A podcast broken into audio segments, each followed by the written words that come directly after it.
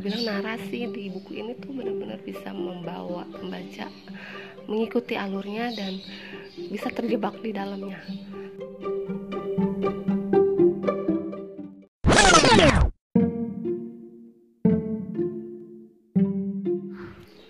Hai, aku mau meresensi satu buku berjudul Silent Passion buku digital yang aku baca buku terjemahan uh, yang diterjemahkan oleh Gramedia dan aku juga bacanya di Gramedia digital. Uh, buku bergenre misteri horror thriller. Uh, buku ini yang ditulis oleh Alex Michelle Lidas bercerita tentang pelukis bisu. Tokohnya bernama Alicia Berenson, pelukis terkenal yang tampak sempurna kehidupannya dari luar. Bahkan suaminya seorang fotografer, desainer, eh, juga seorang pria yang tampan. Menambah kesempurnaan kehidupan si Alicia ini yang tampak dari luar. Satu ketika si Gabriel suaminya ini pulang ke rumah entah alasan apa atau atau apa si Alicia ini menembakkan ke arah Gabriel sebanyak lima kali. Setelah itu Alicia menjadi bisu sebisu-bisunya tidak berbicara sepatah kata pun. Yang dia uh, berikan ke publik dalam tanda kutip adalah hanya lukisan-lukisannya di mana lukisan itu ada satu uh, kata yaitu Alcetis kemudian di buku ini juga dihadirkan kembali satu tokoh yang bernama Theo. Dia adalah psikolog forensik tokoh Theo Faber ini uh, meyakini dan yakin bahwa dia bisa membantu Alicia untuk kembali bicara. Uh, bagaimana caranya Alicia bisa kembali mengucapkan uh, kata yang akhirnya mengungkapkan uh, misteri apa yang terjadi di malam itu tetapi keinginan Theo Faber ini membawa dirinya ke sebuah jalinan yang kusut yang membawa dia kepada misteri-misteri yang secara tidak langsung lama kelamaan mempengaruhi uh, dirinya si Theo ini ke reviewnya. Jadi si buku The Silent Passion ini tuh menang dalam penghargaan Goodreads Choice Award dan masuk ke nominasi kategori debut novel tapi sayangnya tidak menang. Pun tidak menang di kategori tersebut. Dan kalau kalian cek nih di Goodreads itu novel ini punya rating 4,07 uh, bintang dari ribuan 200 ribu 200 ribu uh, pembaca.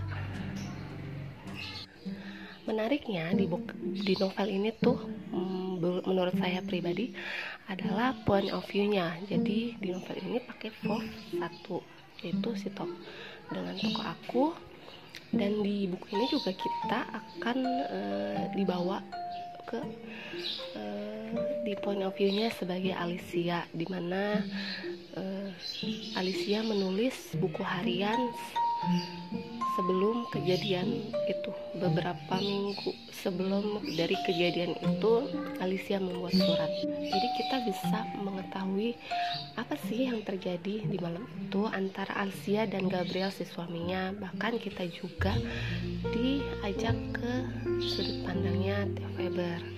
Terus uh, yang menyenangkan dari novel ini adalah uh, bagaimana menceritakannya dengan cepat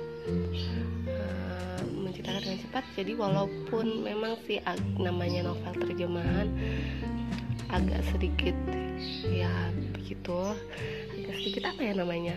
Uh, kalau buat aku sih agak sedikit uh, tidak nyaman. Tapi karena tertutupi dengan gaya menceritakannya cepat jadi masih bisa nangkep uh, alurnya dan yang agak mengganggu dalam tanda kutip itu sebenarnya di bagian awal buku ini bercerita tentang Theo Faber. Agak uh, uh gitu ya maksudnya. Kan tokoh ini adalah si pelukis bisunya si Alicia Berenson. Tapi di di awal itu diceritakan bahwa Theo bagaimana Theo Faber mengapa dia memilih menjadi seorang forensik psikolog forensik dan akhirnya percintaannya dengan Katie di situ aja sih kurangnya. Aku pengennya sih harusnya kan Alicia aja di diceritakannya ke Alicia dulu. Tapi uniknya karena membahas Steve Weber sempat membawa aku untuk berpikir bahwa wah jangan-jangan Theo Weber ini ada hubungan nih dengan kasus ini. Gitu secara emosionalnya apa apa berhubungan dengan si Alicia atau si uh, Gabriel ini? Jadi tiga tokoh ini apakah saling berkaitan? Jadi mengapa di, diceritakan backgroundnya si Theo Weber? Tapi uniknya lagi untuk aku yang sebenarnya bukan pecinta trailer sempat baca buku ini tuh sedikit uh, menebak-nebak dan teromang-ambing dengan persepsi aku sendiri bahwa dari surat-surat yang Alicia buat nih surat uh, buku harian lah uh, bahwa si ada ada tokoh-tokoh sekitar Alicia yang akhirnya aku curiga juga. Seperti Max kakaknya Gabriel yang sempat kasar sama Alicia. Terus uh, tapi aku juga curiga juga dengan John Martin yang salah satu pekerja di uh, galeri tempat Alicia memamerkan lukisannya.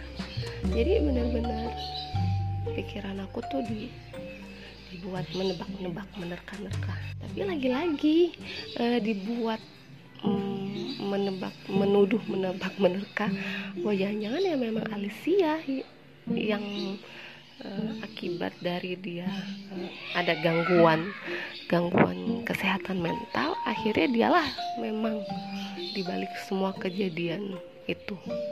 Nah lagi-lagi namanya uh, buku ini tuh memang namanya rating tidak bisa membohongi dan bestseller tentu. Makanya uh, aku bilang narasi di buku ini tuh benar-benar bisa membawa pembaca mengikuti alurnya dan uh, bisa terjebak di dalamnya. Tapi namanya buku uh, bergenre psikologi trailer itu tentu tentu saja plot twist di akhirnya. Untuk aku yang terbilang sebagai pembaca thriller awal aku kasih uh, ya buku ini keren keren sih. Uh, bisa membawa pembaca. Dan benar-benar akhirnya tuh bikin oh wow gitu. Tapi yang bikin agak kok gitu justru setelah di akhir diungkapkannya itu ada satu scene yang bikin aku seharusnya scene itu sih nggak ada jadi daripada spoiler yuk baca Silent Reader uh, dengan rating 4,7 di Goodreads uh, dengan pemenang pemenang award dan untuk pecinta trailer baca buku ini. Sampai jumpa